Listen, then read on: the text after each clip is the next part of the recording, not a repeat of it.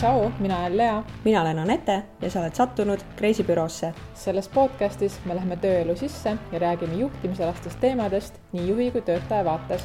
võtame sind kaasa teekonnale, kus me uurime ja avame töömaailma keerukaid uksi. head kuulamist.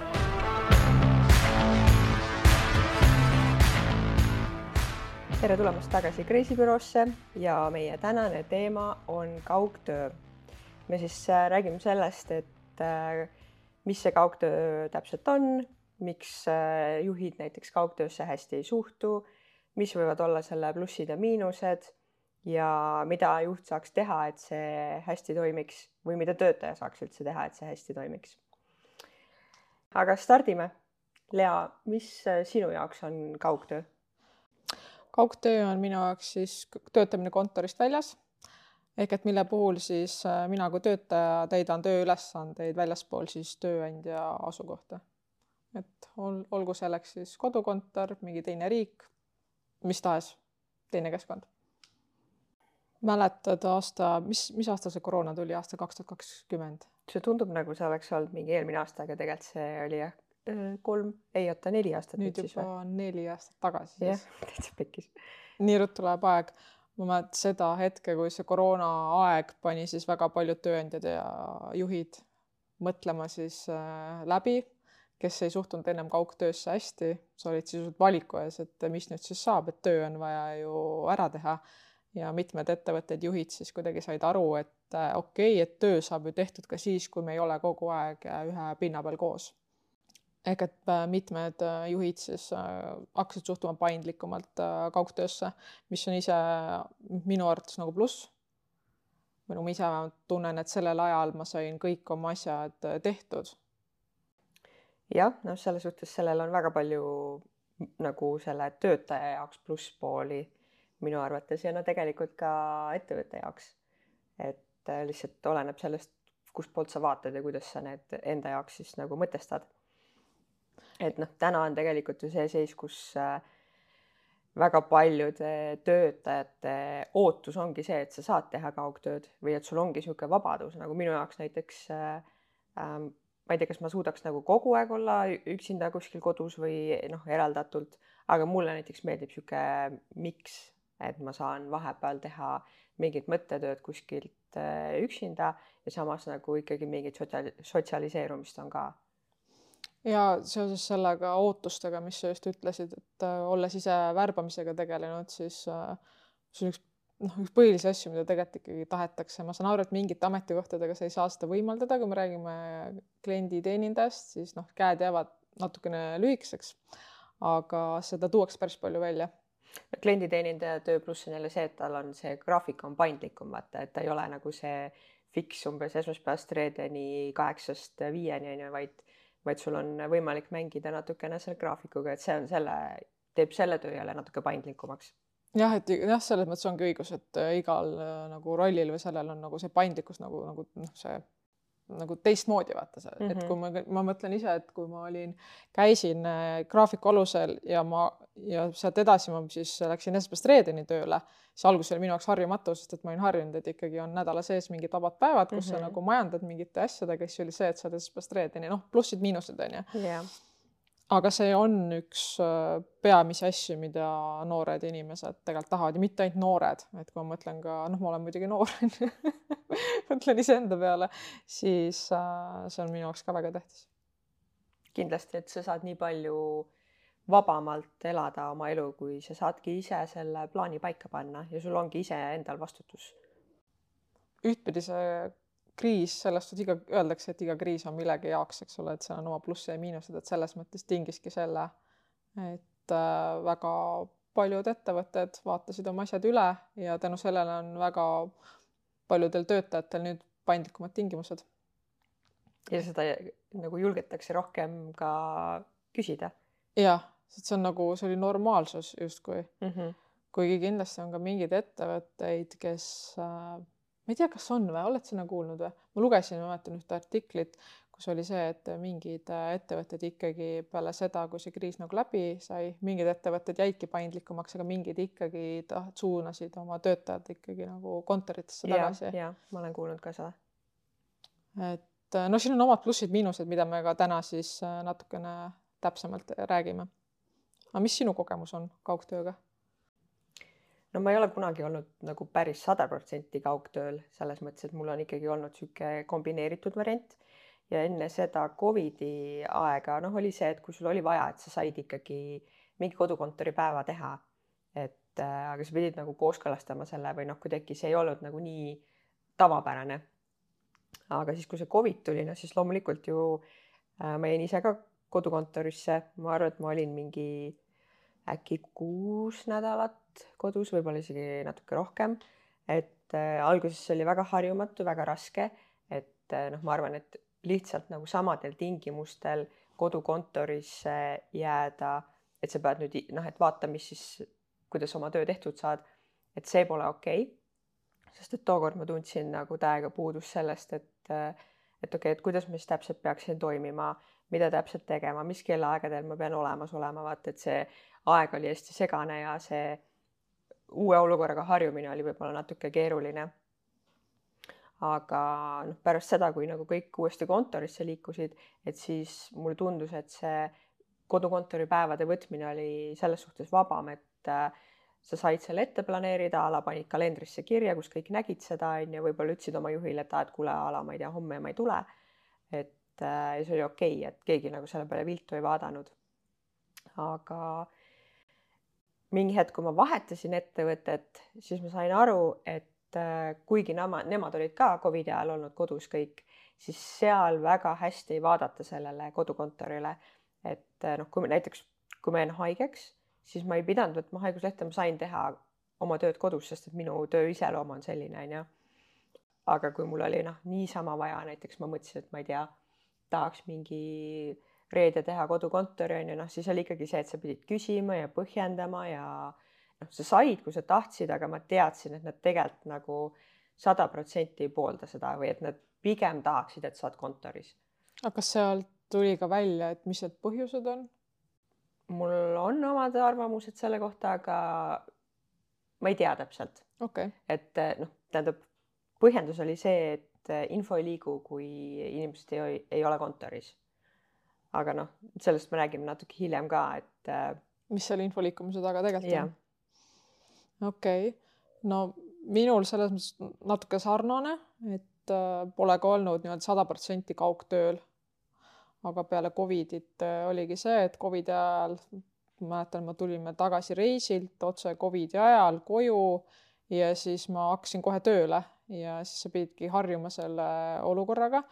Et ühtpidi ka oligi see, et mul läks nagu, kuna see koroonaaeg oli niigi keeruline ja see positsioon, kus ma olin, siis mul läks see nagu paigast ära, minu meelest ma olin väga suure ajast siis nagu tööl kogu aeg nagu kättesaadav ja siin oli nagu nii palju erinevaid probleeme ja mida oli vaja, et sa tegid plaani ja see plaan kahe tunni pärast ei töötanud, sa pidid uue tegema või sa tegid päev otsa plaani ja siis järgmine hommik tegi riik mingi muu plaani ja siis sa pidid selle plaani ringi tegema ja sa olid kogu aeg selles rütmis aga siis ma jäin kodukontorisse ja kui lõpuks siis see aeg läbi sai, et nagu päris kontorisse minek oli, siis jah, selles mõttes äh, oli mul samamoodi, et see oli ikkagi vabam, et sa võisid võtta seda kodukontorit. Äh, kalender oligi sisuliselt ainuke märksõna, et pane kalendrisse kirja, kui sa oled kodukontoris ja keegi ei piiranud seda, et see osa mulle väga meeldis. Et see andis nagu vabadus selles äh, maailmas, kus me täna nagu elame, panna siis toimima see töö ja eraelu nagu endale sobivamalt tegelikult, et see oli väga suur pluss selles ettevõttes kindlasti. ja no täna ma ei kujutaks ette, et mul poleks võimalust äh, võtta kodukontorit. et see on üks nagu, ma arvan, päris äh, oluline, kui sa oled töötanud nii ja siis sa järsku lähed mingisse teise kohta, kus öeldakse sulle, et nojah, et tegelikult me ikkagi käime kogu aeg siin, et äh, no on mingid võimalused, aga no saad aru, et see aga tapab juba selle eelmise poole lausest ära, et tegelikult siiski ära jää.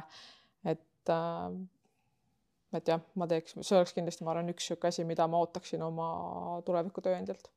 mina samamoodi, aga noh, eks inimesed ongi vaata erinevad, et osadele ei sobi see üldse, teistele sobib see jällegi väga hästi. et äh, noh, sa pead lihtsalt aru saama, et milline see inimene on ja mis on tema need, kuidas tema paremini toimib siis ja kuidas tema tööd paremini teeb. ja no ma ei tahaks ka olla sada protsenti, et ma võiks olla mingi lühiajaliselt, et ma lähen sõidan kuhugi, ma olen kuu aega Aasias ja meil ongi kokkulepe ma teen sealt ka tööd, eks ole, aga niimoodi, et ma nüüd jäängi täitsa kodukontorisse, et ma tahaks ikkagi vahepeal käia sotsialiseerumas ka. ja mul on sama, ma arvan, et et mingi hetk sul on vaja neid teisi nägusid nagu füüsilisel kujul näha mm, -hmm. mitte mhm. lihtsalt läbi ekraani. aga miks siis on niimoodi, et osad juhid kaugtöösse hästi ei suhtu? Ma arvan, et seal on kindlasti üks väga suur põhjus on see, et nad arvavad, et äh, töötaja ei tee tööd, kui teda pole kontoris kohapeal ja, ja sellel juhil puudub siis kontroll, et ei saa seda justkui mitte kuidagi kontrollida. ehk et seal on väike sihuke äh, usalduse küsimus ja kontrollivajadus kindlasti. minu arust sellega on nii hea, et ma võin ju käia seal ja istuda niisama ka nüüd kaheksa tundi ja see ei tähenda, et ma seal tööd teen. et see on nagu, et miks sa arvad, kui me samas ruumis, et ma teen mm? -hmm. et ma tean küll erinevaid lugusid, kus on olnud kolleeg, kes on mitte siis minul, vaid mina räägin enda tuttavast kus on no, kõrvuti on lauad olnud, eks ole, ja siis äh, üks nendest tuleb iga päev tööle, teeb nagu tööd äh, hommikust õhtuni ja teine ostab autot, valib uut telefoni, planeerib järgmist reisi ja noh, teeb selliseid asju, eks ole. ja, ja ma arvan, et meil kõigil on selline äh, mingi lugu olemas, et ma tean ka selliseid ju. et noh, mitte, et ma ei taha öelda, et ma pole töö ajal mitte kunagi internetibrauserit avanud ja otsinud mingi isiklikke asju, ma ei taha seda öelda, aga lihtsalt see on see nagu. vaata, seal on vahe sees, et kas sul on, et kas sa teed seda nagu nii-öelda erandkorras. või sa teed seda põhitööna. või sa teed seda põhitööna iga päev, et sa tuled iga päev tööle, võtad oma selle mingi muu asja lahti ja hakkad seal muid -hmm. asju tegema, et seal on nagu väike vahe sees. et selles mõttes loomulikult nagu. mis see jah, mis see tuum on nagu. jah üks põhjus, miks juhid ei suhtu hästi ka kaugtöösse, on see, et nad on ise tihti teise ajastu inimesed. ja neil on raske uuendustega kohaneda ja sellest tulenevalt on neil ka see nii-öelda negatiivne suhtumine, suhtumine sellesse ja tuleb see legendaarne lause, sest nii on alati olnud. Et.... no see on mu lemmik, see, et me teeme mingeid asju, sest et nii on alati tehtud, aga samas võib-olla teistmoodi saaks paremini, võib-olla saaks mingeid kulusid kokku hoida, võib-olla on lihtsam, aga selle peale ei mõelda, vaata sest nii on alati olnud. just. see võib olla ka see põhjus, et äh, juhile endale see kaugtöö ei sobi ja siis ta kuidagi endast tulenevalt äh, paneb selle reegli paika, et äh, me ei tohi kodukontoris olla. tegelikult on inimesed hästi erinevad ja tuleks siis vaadata vastavalt sellele, et kui on kellelgi, näiteks minul endal on see süvenemisaeg üksi olles kõige parem. ja kui mu juht teab seda, siis on tegelikult hea, kui ta võimaldab mulle, et need mõttetööd ma saangi teha kodukontoris, eks ole. aga kui ta võtab ainult endast lähtuvalt seda, siis ongi see kodukontor ongi nõme, sest et talle see ei sobi mm. -hmm. ma arvan, et äh, mingi selline asi võib ka kindlasti olla, et juht ise kaugtööl olles tegelikult ei tee tööd, vaata, tegeleb mingite muude asjadega ja siis ta automaatselt arvab, et teised samamoodi ei tee, et ta vaatab seda asja ainult oma mätta otsast et äh, ta teab, vaata, et mismoodi ta ise äh, justkui nii-öelda jutumärkides kodukontoris olles äh, käitub ja siis ta eeldab, et kõik teevad samamoodi. ja siis ta kardab nagu äh, ühesõnaga jah, siin tuleb jälle see kontrolli asi onju. ja, ja. ja noh, siis äh, see ka kindlasti, et äh, ta arvab, et kontorist eemal olles info ei liigu, see, mis ma juba mainisin. mis selle info liikumisega siis on? no minul on kogemus sellega, kus juht äh, noh, põhise nii-öelda argument siis, miks mitte kodukontoris olla, oligi see, et info ei liigu. aga noh, olles seal olnud, kus me olime kõik äh, suure nii-öelda noh, terve osakonnaga ühes toas, siis äh, info ei liikunud ka kontoris kohapeal olles, olenemata sellest, et kõik olid seal füüsiliselt olemas et noh, seal tuleb jälle mängu see, et äh, a la, kes on kuskil lõunal, kes on tualetis Äh, kes on mingi, ma ei tea, kas kliendiga kohtumas, kus iganes, on ju, et, et sul selleks, et sul nii suur grupp inimesi äh, kõik ühel ajal oleks ruumis, vaata, siis sul on vaja nagu planeerida neid asju, on ju. aga kui sul ei ole planeeritud näiteks mingeid koosolekuid või äh, mingeid kindlaid nagu, kus me vahetame infot, noh, siis tegelikult äh, see info jääb ikkagi toppama kuskile ja seal tuleb samamoodi see mängu, et ma ei tea, ma ütlen sulle midagi ja ma eeldan, et sa räägid seda edasi aga tegelikult sa ei räägi, vaata. ja siis ongi see, et sinust jälle info edasi ei jõua, on ju, ja siis see on see kitsaskoht. ja mul on äh, selles mõttes äh, sarnased kogemused, et olles, viibides kõik kontoris kohapeal, on ikka keegi, kes alati mingist infost, okei okay,, alati on võib-olla liialdus, võtan selle tagasi, aga tihtilugu äh, jäi nagu infost ilma või oli mingi, aa, seda ma ei teadnud või aa, okei okay,, kust sa sellest kuulsid või et ongi see, et mingi info jagati mingile inimesele ja sealt edasi oli veel inimesi seotud, nendeni see ei jõudnud, on ju, mõtlen, kui mulle jagatakse infot siis ma võtan selle, ma ei tea, kas ma, kui mina pole info jagaja, kas mina pean mõtlema, et kellele veel see info tegelikult võiks vajalik olla. et noh, see, kes jagab seda infot, võiks ju muretseda selle eest, et kõik osapooled saavad selle informatsiooni. tore on, kui me oleme samas toas ja ma räägin sulle edasi, noh, mida ma aga ka see teen. ei saa olla eeldus aga see ei saa olla eeldus mulle mm. -hmm. või siis, kui noh, a la mina ütlen sulle näiteks, et kuule, palun räägi, ma ei tea, X inimesele edasi, et noh, siis ma saan aru aga see on no, suunatud otse, et Lea yeah., palun räägi, onju, aga kui see on lihtsalt jutu rääkimine, siis äh, ma arvan, et ma ei, see pole minu roll nagu võib-olla mm -hmm. isegi mhm. mingit infot edastada mm. -hmm. noh, näiteks, mis mul veel oli, on see, et äh, hästi palju infot liikus justkui nagu mööda minnes, vaata, kas mingi koridori peal või a la juht tuleb kuidagi, et aa, kuule, sihuke asi onju. et sul ei olnud nagu seda ühtset mingit äh,, kuidas öelda, mingit reeglit või sellist välja kujunenud süsteemi, et kuidas see info liigub, vaata. et siis ongi see, et keegi ütleb midagi mööda minnes, eh, keegi ütleb koosolekul, keegi võib-olla saadab kirja, on ju, ja tegelikult nagu see kuidagi hajub ära, sest et sul tuleb igapäevaselt nii palju infot sisse ja sa võib-olla ei suuda seda isegi eh, kuidagi filtreerida. et minul on näiteks see, et kui ma teen mingit väga süvenemist nõudvat tööd ja siis keegi ütleb mööda minnes, et mingi kuule, Anette, et a la sihuke asi on ju. ma ei jõua võib-olla sellest nagu oma töö flow'st isegi välja tulla selleks, et äh, süveneda, mida ta ütles, vaata. ja siis lõpuks on see, et sa ei mäleta pärast seda võib-olla. ja noh, mina ise pooldan väga äh, eriti niisuguse nagu olulise info jagamist kirjalikul teel sellepärast et siis sul on alati võimalik sinna tagasi pöörduda, vaadata, millal see info tuli, kes seda jagas, äh, kellele see info läks et äh, siis ei saa mitte keegi öelda, et kuule, ma ei tea midagi, ma pole saanud, on ju. ja, ja igaüks loeb seda ka endale nagu sobival ajal, et kui ma teengi näiteks selle töölõigu ära ja siis ma võtan selle kirjakasti lahti ja vaatan, okei okay,, siis ma süvenen, mul on see hetk nüüd, kus ma saan päriselt süveneda mm -hmm. ennem võib-olla ma nägin, et X inimene saatis, okei okay,, enam-vähem pealkirja vaatad, aga pärast süvened, kui sul reaalselt jääb ka meelde see asi.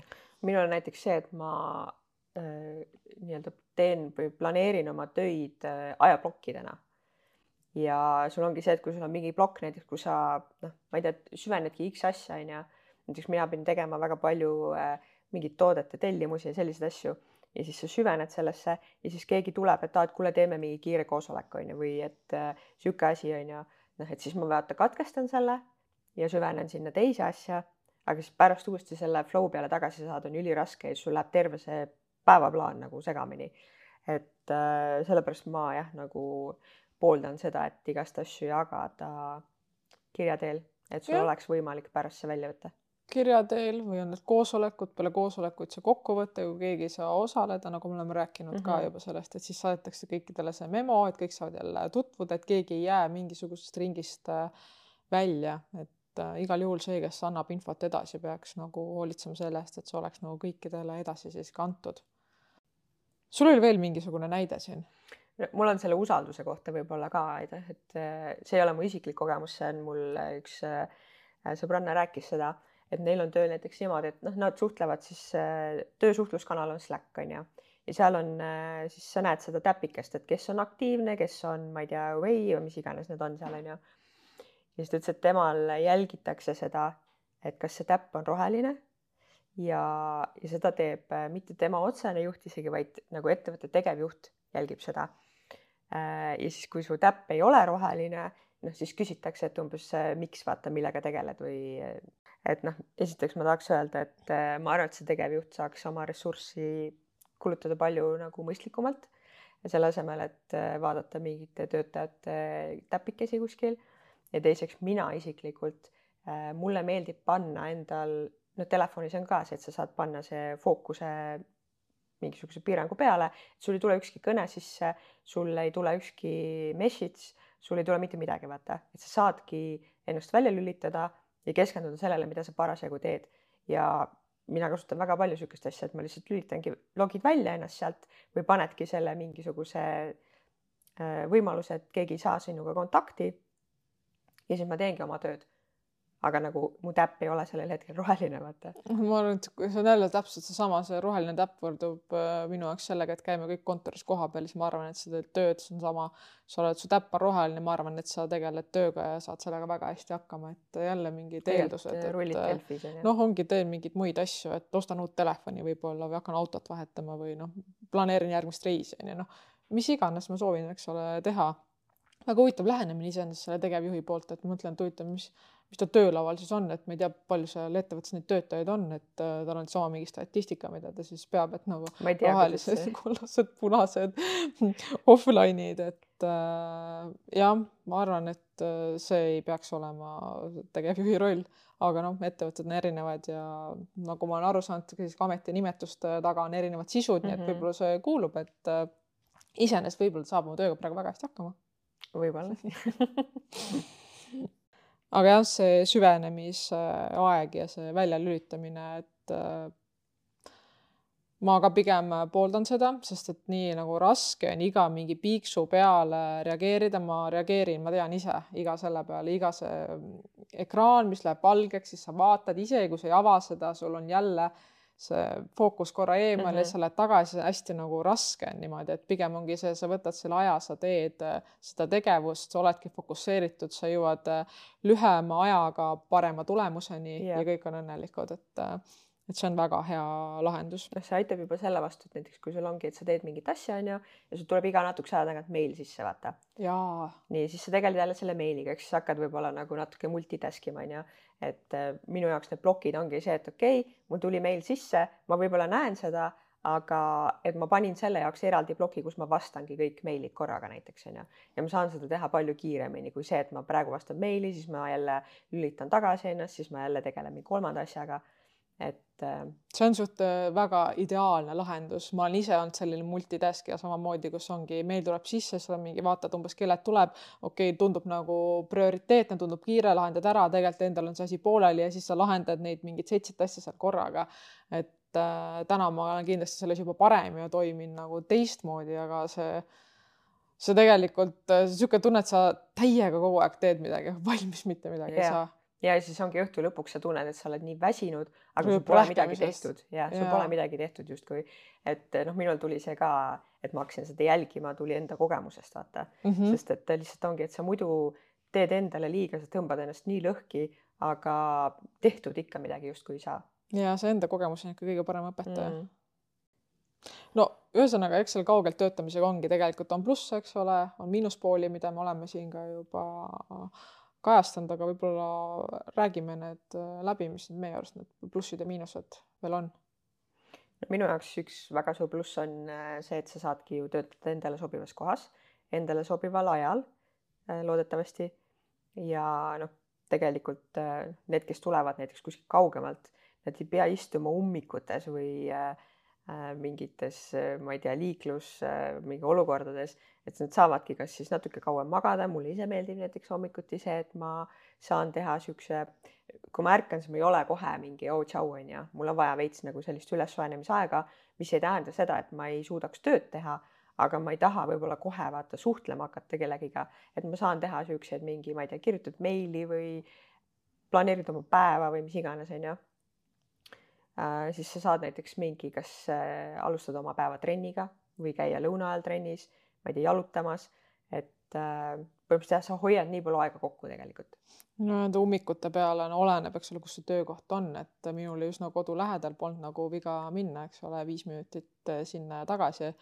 aga olen sõitnud ka kaugemale, et mingitel hetkedel, kui ma Ülemiste kandis töötasin, siis ma sõitsin ikkagi tööle mingi nelikümmend minutit ja noh, tagasi ka ikkagi nelikümmend viis minutit, et mm -hmm. kõigiga seal koos rõõmsasti istuda. no peaaegu äh, kaks tundi su päevast juba on ju. et tegelikult ähm, noh, aga noh, sellel hetkel mul see töö iseloom ei olnud selline, et ähm, ei olnud nagu kodukontorilt nagu võimalik, eks ju mm -hmm., suures pildis teha, aga kui ma praegust mingit tööd, tööd näiteks mõtleksin, siis äh, kindlasti ongi see, et ma saan seal kahe tunniga, ma saan nii palju teha selle ettevõtte jaoks mm -hmm. ja nagu samamoodi ka iseendale, et see ummikute asi, see liiklus on, äh, tahan nüüd liikluspolitsei siin olla, aga ummikute aeg on ikka päris jõhker mm. -hmm. kõik inimesed lähevad ühel samal kellaajal ühte kohta ja tulevad sealt äh, samamoodi tagasi koju.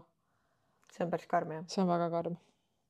Ja üks pluss on kindlasti ka see keskendumine ja see efektiivsuse teema, mida ma korra siin ka puudutasin, et äh, mina ise toimin seda mõttetööd tehes hästi just siis, kui ma olen üksi ja mul on ka see võrdlusmoment, et ma olen töötanud kontoris, kus mul on oma kabinet, kus ma olen üksi olnud ja ma olen siis mõne aja pärast liikunud siis äh, ühisesse ruumi, kus olid ka teised. ja mind ei aidanud ka see, et ma panen klapid kõrva, üritan nagu keskenduda ikka, ma näen, ma olin ka täpselt niimoodi, et kes astus uksest sisse, siis noh, ma tõstan pea ja ma näen seda ust ja ta on seal, et igaüks, kes astus sisse, isegi kui ta ei tulnud minu juurde, siis oli see, et mul oli jälle tähelepanu seal mm, -hmm. siis ta mhm. ütles midagi ja siis isegi kui mul olid klapid kõrvas, siis ta ütles, ma sain aru, et ta ütles, siis ma võtsin need ära, siis noh, sa läks sealt edasi, onju, väike jutt ja et noh, sa ei suuda keskenduda, tähelepanu läheb nii palju äh, hajuma, see on see samamoodi, et kuule, et mul on kiire üks küsimus, jah, sul on kiire üks küsimus, aga mul on oma tegevus pooleli, mida ma tahan mm -hmm. nii-öelda ära teha. mul on samamoodi, et äh, isegi kui sa oled klappidega, siis ükskõik, kes äh, a la su lauast mööda kõnnib, siis sa ikkagi kuidagi tõstad pea, vaatad, kes on, kas ta tuleb sinu juurde või ei tule, et ja siis pärast sinna tagasi jälle saada on päris raske. et minu meelest selle kohta on tehtud ka erinevaid uuringuid, mis on näidanud siis seda, et keskmiselt nagu see on keskmine on ju, kulub ühel inimesel peale seda, kui teda on oma tööst katkestatud, üle kahekümne kolme minuti selleks, et uuesti keskenduda. Noh, aga mõtle seda, et kui sa tuled küsima mu käest midagi, vastan ära, kakskümmend kolm minutit jälle selleks, et äh, saada sinna ree peale tagasi ja siis tuleb keegi jälle, jälle kakskümmend kolm minutit, et noh, lõpuks on see, et sellepärast ei saagi vaata tehtud mingeid asju.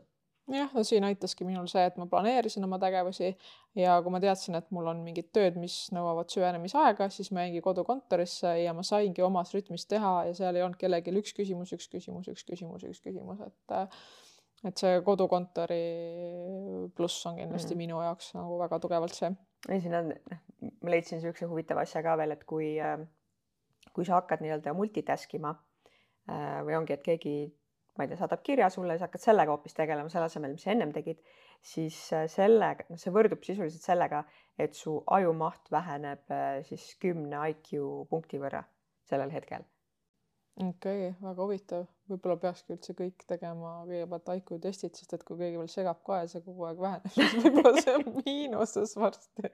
jah. no see on see paindlikkus ka, et paindlikkus üles ehitada oma päev, nagu sina ka tõid välja, jättes aega siis oma hobide, isiklike huvide, pere ja muude loomade jaoks, et põhimõtteliselt ongi siis sihuke, kuidas öelda. sa saad vabamalt Äh, ise oma graafikut vaata planeerida või teha, et noh, ongi näiteks mõned on hommikuinimesed, mõned on õhtuinimesed on ju, et äh, päevast mingi osa kindlasti kattub, aga mõni tahabki võib-olla ärgata kell viis ja teha siis oma asju, aga teine ärkab võib-olla, ma ei tea, kell kümme on ju ja ongi selle võrra ongi, ta töötabki võib-olla õhtupoole, eks ole, kus mm -hmm. mõni teine ei taha töötada, et mm -hmm. need on need hommik-õhtu inimesed on ju ja mis me lõpuks kõik tahame, enamus, ma ei saa kõigest rääkida, aga et töö ja eraelus oleks ikkagi tasakaal. et sa oled ikkagi seeläbi õnnelikum ja palju pühendum, pühendunum töötaja sellele tööandjale ja tulemused on ka märkimisväärsemad kindlasti mm. -hmm. ja mis on pluss minu arvates tööandjale, on see, et sul on tegelikult, tekib see äh, värbamisvabadus, et äh, kui su kaugtöö on hästi reguleeritud siis tegelikult äh, on su kandidaatide valik palju suurem, et ei ole vahet ju, kas su noh, näiteks kui su see ettevõte asub, oletame Tallinnas on ju, aga Tartus on mingi üli-ülihea spetsialist, noh siis ta ei pea kolima selle pärast või te ei pea loobuma temast selle pärast, vaid et me saame seda äh, reguleerida niimoodi, et me saaksime ikkagi koos töötada. ja see värbamisvabadus on, arvestades seda värbamismaastikku ja üldse seda tööturgu, ma arvan, et see on üks päris tugev pluss kui mingi ettevõte saab seda nagu pakkuda. ja see on miks mitte ka kuskilt äh, üldse välismaalt äh, kedagi värvata, on ju. jah, täpselt. et täna on see, et keeled on nii suus kõigil, et see, see ei keeled, ole tegelikult väga suur probleem. keeled suus Euroopasse või jah. keeled suu Euroopasse. aga mis, äh, mis need miinuspooled oleks? no nagu ikka, igal plussil on oma miinus, igal mm. miinusel on oma pluss. et et äh, üks asi minu jaoks on kindlasti see sotsiaalne eraldatus ehk et puudub otsene kontakt äh, kolleegidega. et mis ma ka alguses ütlesin, et äh, sada protsenti kaugtööl olla ei tahaks, et mingi periood mm. -hmm. aga sa vajad ikkagi seda, et sul on need kolleegid ja saad juttu ajada ja sa tunned, et nagu füüsiliselt seda inimest ka enda kõrval, et see on see minu jaoks võib-olla kõige suurem miinus. mul on paar tuttavat, kes noh, neil polegi üldse tiime, nad töötavadki üksinda onju ja noh, nemad on kurtnud seda, et nad lõpuks tunnevad, et nad ei oskagi võib-olla enam suhelda inimestega või kuidagi tekib sihuke, sa oledki harjunud kogu aeg üksi kõike tegema ja see, siis kui sa satud sinna seltskonna, siis sa ei oska enam. et noh, ma siinkohal võib-olla soovitaks lihtsalt teadlikult siis tekitada endale neid olukordasid, eh, kus sa vahepeal saad inimestega suhelda, et mitte jätta väga pikka vahet a la, et sa mingi pool aastat umbes oled kuskil oma urus ja üldse välja ei tule, vaata, vaid et teadlikult siis teha neid eh, kas sõpradega kokku saada, perega, mis iganes, et sa saad vahepeal ikkagi inimestega suhelda, sest et eh, noh, muidu võib jah juhtuda see, et sa oledki täiesti erak. nojah, selle üksildustunnet sa saadki hoida ju ära nii, et sa lähed näiteks mingi kohvikusse töötama või noh, täna on meil võimalus ka erinevates mingi Worklandides töötada, kus sa oled teiste inimeste keskel samamoodi. jah, aga siis on ikkagi see, et sa ei suhtle nendega, vaata et, äh, et seda suhtluspoolt võiks siis nagu ise reguleerida, et sa teadlikult teed seda. aga jah, selles mõttes, et kui sul on lihtsalt see, et sa tahad inimeste keskel olla, siis äh, loomulikult ma olen ise ka käinud kuskil kohvikutes tööd tegemas ja pael klapid pähe ja kusjuures siis mind ei häiri see mis on nagu veider, sest et siis ma tean, et ma lähen sellisesse nagu. kus keegi ei tule sulle üks küsimus või? ma lähen sellisesse sumisevasse keskkonda mm, -hmm. aga äh, see kusk-, see justkui toimub kuskil taustal, vaata aga no see ei häiri mind niimoodi. sest nad ei ole su kolleegid ilmselt, kes tuleksid äh, üks küsimus, üks küsimus mm, -hmm. ma arvan. mul endal on tegelikult samamoodi, et ma olen ka käinud mingites kohvikutes küll, kohvikutes, kus kõik lauad on täis, kõik söövad oma päevapraadi, kes on läpaka, kes mida teeb ja mind absoluutselt ei häiri. muidugi seal võib ka see olla, et ma olen sinna läinud teadlikult tegema mingeid teatud ülesandeid, vaata, mis võib-olla siis sobivad selle keskkonnaga, et kui mul on vaja võib-olla mingit täiesti nagu niisugust äh, väga tiipi mõttetööd teha, no seda ma ei ole proovinud muidugi, et võib-olla mm -hmm. siis see ei tööta, aga jah, kuidagi praegu nagu mul tuli see, et et seal mul ei ole tekkinud seda tunnet, et, et mind häiriks. ja ei, mul ka ei ole.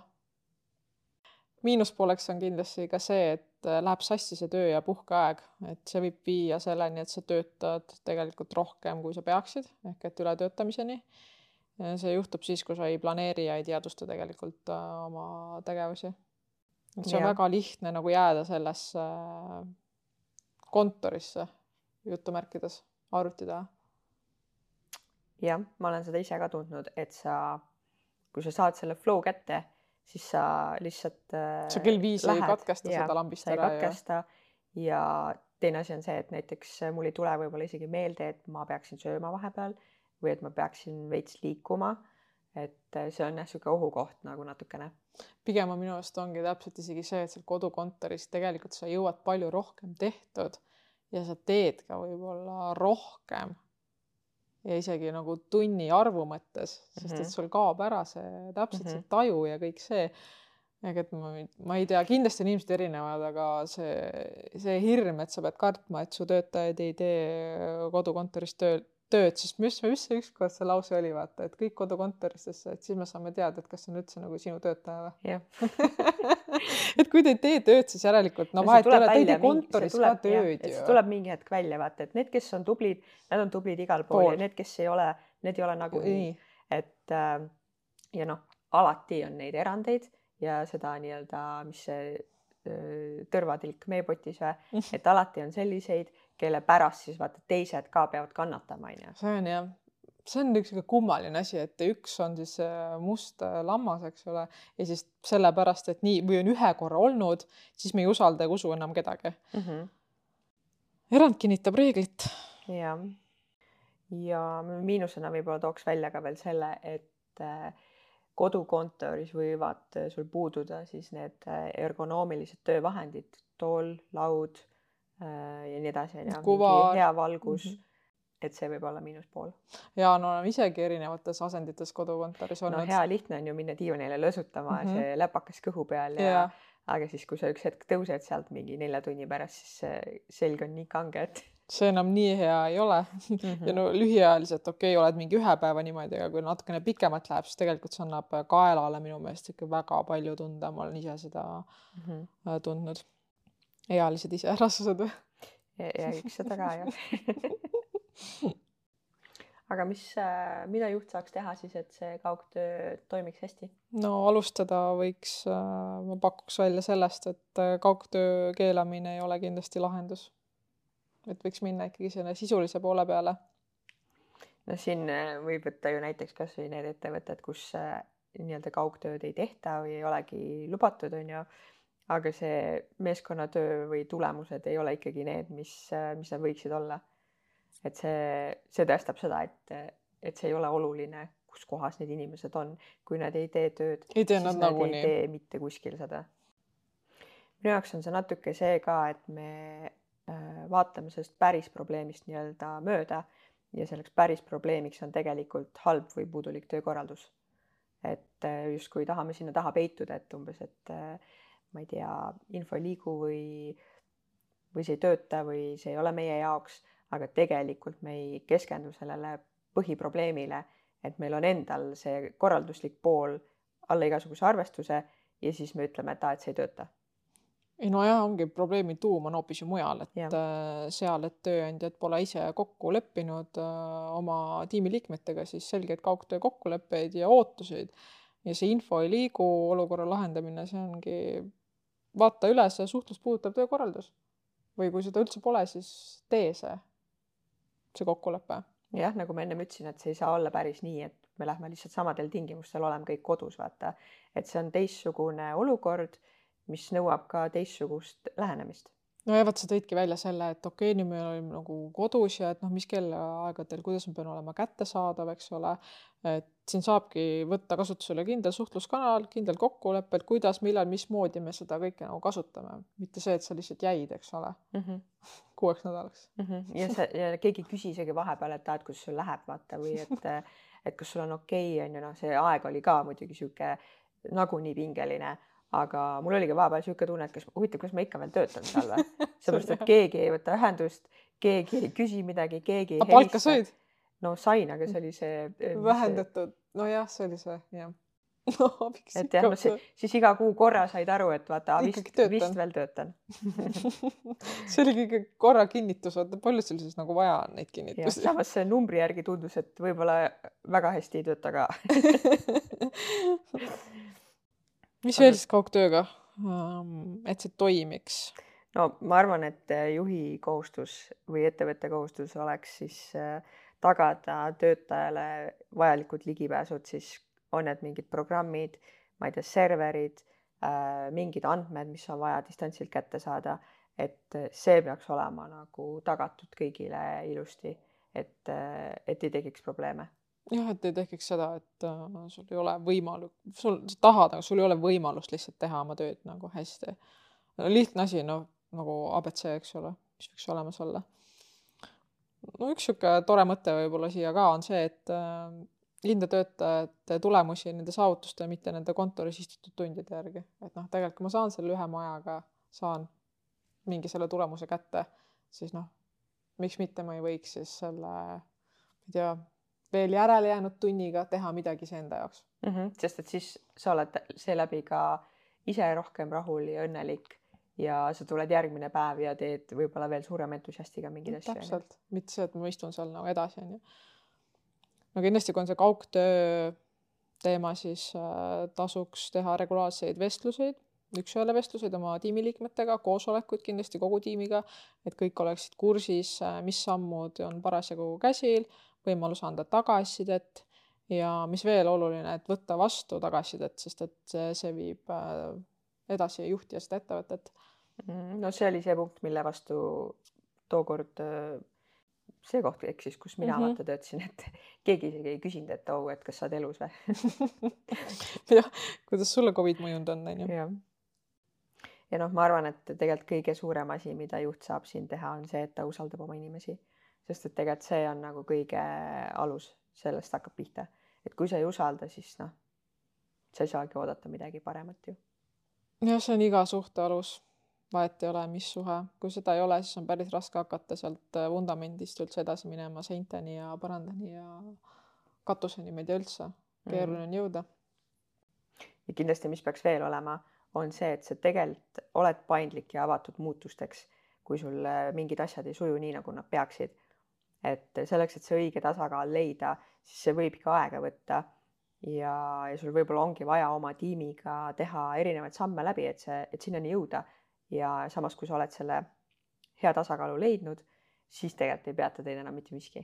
ja, ja isegi kui on vaata midagi, mis ei toimi, see ei tähenda, et nüüd see ei toimigi, võib-olla mingi väike asi, mida on vaja muuta, nii et kõigil oleks jälle hea, et saate mm -hmm. tegelikult edasi olla seal mm, -hmm. et see no elu on ikka ju niimoodi, et äh, ma ei tea, me hakkame punktist A minema punkti B ja paljud asjad ei, ei toimi, aga nagu kas sa jätad siis nagu minemata või? Mm? -hmm et noh, no ma ei tea, hakkad siit poodi minema, onju, no midagi juhtub, no sul on vaja, sul on vaja sealt kindlalt midagi osta, no mis sa siis teed, ei lähe või noh, ikka sa muudad siis oma, kas sa, ma ei tea, muudad seda suunda või mis iganes, aga sa teed mingid valikud, et sa jõuaksid ikkagi sinna poodi selleks õigeks kellaajaks, saaks see asi kätte ju. et noh, suva näide, aga noh, tegelikult on, vahet ei ole, millega, et äh, et ma arvan, et see on nii hea mõte, et ole avatud ikkagi selles mm -hmm. muutusteks ja ole paindlik.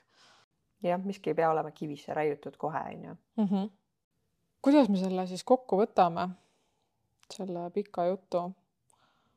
kaugtööl omad plussid-miinused, igaüks teeb omad valikud, ettevõtted võiksid äh, lihtsalt tagada nagu mõlemad võimalused ja vaadata siis nagu inimest personaalselt ja kuidagi see kultuur võiks olla paindlikum, sest et see tagab sulle ka head töötajad ja kui see töötaja on õnnelik, äh, on head tulemused ja kõik on tegelikult õnnelikud mm. -hmm anname siis kaasa mõned mõtted, millele võiks siis nii juhid kui töötajad äh, tähelepanu pöörata.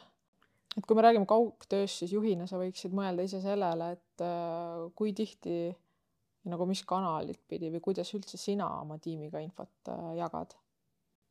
ja kui sa seda jagad, siis kas see jõuab ka kõikide osapoolteni ja kas kõik saavad selle informatsiooni kätte, et mitte nagu me rääkisime, et ennem see mööda minnes, eks ole, kuskil kohvinurgas või tulles ütlemaks seda kuskil süvenemise ajal ja tegelikult see läheb mul meelest ära, onju.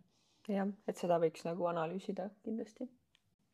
ja kui sa näed, et äh, seal võib-olla on mingit arenguruumi veel, siis äh, võiksid mõelda äkki sellele, et kuidas sa saad siis tagada seda, et see info oleks kõigile kättesaadav ja oleks läbipaistev ja kõik saaksid selle õigeaegselt kätte. jah, et saadki mõelda, et mis need nagu paremad lahendused on, et äh, võib-olla suuline edasiandmine ei ole nagu siin kõige parem. kui sa ei näegi neid inimesi, on ju. nojah, nagu ma ennem ütlesin, siis äh, mina ise eelistan seda kirjalikku varianti rohkem. et aga noh, eks siin ongi, igaüks peab ise siis äh, tundma, et mis on mõlema variandi plussid ja miinused ja sealt leidma nagu sobiva ja. kõigile. aga noh, kirjalik, ükskõik mis asi on kirjalikul teel, siis see on alati äh, pärast äh, kättesaadav kõigile. et äh, ja kontrollitav. eks võtmeasi ongi siin tegelikult see, et info kõigile ja ühtemoodi, et kõik saaksid seda lugeda, et kuidas sa siis selle nüüd tagad, et siis see juht saab noh, leidku siis enda jaoks nii-öelda sobiv. ja mis infot sa üldse peaksid jagama, et et äh, mis info üldse peaks liikuma, et see ka nagu läbi mõelda. ma just eile lugesin ühte raamatut, kus rääkis sellest siis, et äh, ettevõtte juht tahtis muuta palgasüsteemi, aga ta ei kommunikeerinud seda keskastme juhtidele või ta selles mõttes ta ei öelnud siis, ta selgitanud, et miks seda tehakse, vaid lihtsalt tuli info on ju, et äh, nüüd see muutub ja, ja nii on ja siis tänu sellele, et need keskastme juhid ei saanud selgitust, miks, siis nemad ei, ei uskunud sellesse ja nad ei osanud seda ka enda meeskondadele siis edasi viia. ja sellest tekkis äh, probleem. ja noh, lõpuks tuli siis välja see, et äh, põhiküsimus ei olnudki selles, et nad oleksid selle palgasüsteemi vastu, vaid et nad ei saanud aru, miks seda tehakse. ja siis, kui pärast mingit pikka arutelu siis lõpuks tuli välja, on ju, et nendel on ainult puudu see üks lüli ja see miks. ja see juht, tegevjuht siis selgitas selle ära, siis tegelikult kogu see asi muutus üliklaariks, vaata.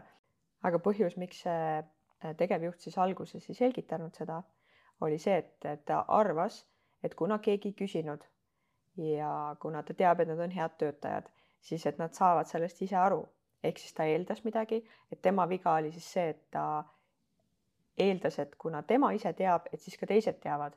Ja nende juhtide viga, keskastme juhtide viga oli siis see, et äh, nad ei küsinud, sest et nad ei julgenud vaata. ja noh, põhimõtteliselt ongi see jälle see kommunikatsiooni teema on ju, et äh, kui sa ei saa aru, siis küsi. Ja kui sulle tundub, et sinu jaoks on selge juhina, siis räägi ikkagi, sellepärast et mõndade inimesteni võib-olla see info ei jõua samamoodi, kui sa arvad, et see võiks olla nagu kusjuures selle, see on väga hea näide selle põhjendamisega tuli mulle meelde, et mina oma töös olen pidanud kogu aeg põhjendama oma erinevaid tegevusi ja ma olen selle põhjendamise võtnud nagu kaasa ka eraellu, ma, ma kogu aeg põhjendan mm, -hmm. miks ma midagi teen.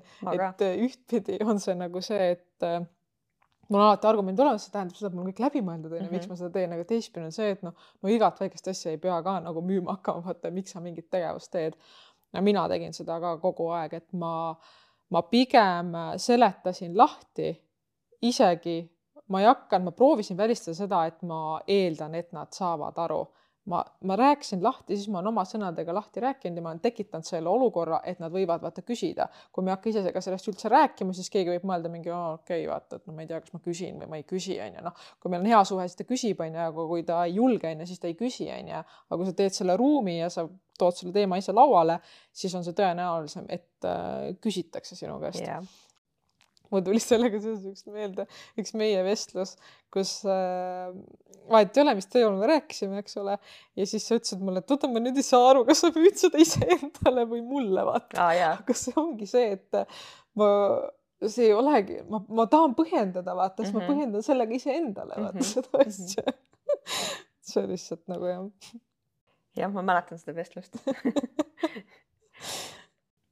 mis ma tahan siia lõppu veel öelda tegelikult on see, et kui kui sa inimesena tunned, et sa ei julge küsida, sest et sa kardad paista välja rumal või näiteks eh, a la sa juhina eeldad, et eh, inimesed teavad, siis tegelikult mõtle niimoodi, et see, et inimesed ei saa aru, ei tähenda seda, et nad on rumalad, vaid lihtsalt kõik sõnad ei jõua kõigini ühtemoodi. ja kõik ei saa ühtemoodi asjadest aru et tihtilugu on see, et, et sa pead seletama sama asja, aga lihtsalt teiste sõnadega, et see jõuaks nagu täpselt õigesse kohta, aga see ei tähenda seda, et keegi oleks rumal, et ta aru ei saanud. ja see on täiega õige endale ka samamoodi, kui keegi räägib ja siis vahel on see, et mingi okei okay, onju, sa nagu ei taba nagu ära või kuidagi oled ja siis, kui ta ütleb sulle seda hoopis, vahetab kaks sõna ära, sa oled mingi aa ja, ja, ja või nagu yeah jumala loogiline mm -hmm. ja Sest, muidugi. Need sõnad on sinu jaoks kuidagi, klikivad paremini, vaata. ja siis nad tekitavad selle mingisuguse see käib nagu süsteemi, mingi ja nagu mingi klõks käib ära mm -hmm. seal sees, sa oled mingi ja, ja muidugi onju. Mhm. Need hammasrattad lähevad paika. Mm -hmm. aga millele siis töötajana võiks mõelda, kui me räägime kaugtööst? Ma arvan, töötaja on samamoodi, töötaja ise jagab infot ja võtab ka vastu infot, eks ole, et see peaks olema kahesuunaline, et töötaja võiks mõelda siin, et mida temaga saab paremini teha, et infot edasi anda ja samamoodi ka vastu võtta mm. -hmm. et siin ei ole ainult juhi, vaid see on ikka mitmesuunaline. jah, siia tegelikult lähebki see eelmine näide ka, mis ma ütlesin, vaata, et kui sa ei saa aru, siis küsi, kuni sa jõuad selle miksini või siis selle arusaamani, eh, mis sul vaja oli. et nii kaua küsi jah, ja kui sa tunned, et seal midagi on sinu jaoks pole hästi või ei liigu piisavalt hästi, siis paku ka lahendus ise par-, nagu, et kuidas saaks seda asja parandada, et ei pea alati ootama seda juhilt, ütlegi, et aa, selline olukord, need, need, need asjad ja mul on ettepanek, proovime nii, nii, nii. et minu arust ideaalne töötaja, kes mõtleb ise kaasa ja kes julgeb seda ka öelda. ma arvan, et on ka väga okei okay otse oma juhilt küsida, et milline tema nägemuses on üks hea kaugtöötaja, et sellega sa tegelikult äh, tagad selle. et kui sa tead, mida ta sult ootab, siis sa saad ka nagu täita seda, mõtled seda või? jah, et sa saad aru, mis ootused tal sulle võivad olla, on ju. ja kui sa ei saa aru ikkagi või sealt ei tule mingit äh, ammendavat vastust, siis ma arvan, et ära karda küsida nagu, et millised need täpsed ootused siis on sinule ja kuidas sa saaksid näidata, et sa oled näiteks neid ootuseid täitnud. et mis need kriteeriumid on, sest et kui sa ei tea, mis need kriteeriumid on, noh, siis suht väikse tõenäosusega sa nagu paned täppi sellega, onju. et äh, see omavaheline suhtlus ja otse küsimine, ma arvan, on väga hea. ja lõppu ma lisaksin selle, et töötajana samamoodi, et ole valmis erinevateks muutusteks, kui on vaja, et kui asjad siiski ei suju, et siis tuleb asjad üle vaadata. ja kohandada ja selline meie tänane episood sai, et sina, kes sa kuulad, siis äh, väga huvitav oleks äh, kuulata sinu kaugtöö kogemusi, et jaga seda meiega. me väga loodame, et sa said siit mõne nipi või mõne mõtte, mida kaasa võtta, mida rakendada oma töös. ja järgmiste Kreiside episoodideni. just. Davai, tšau. tšau, tšau.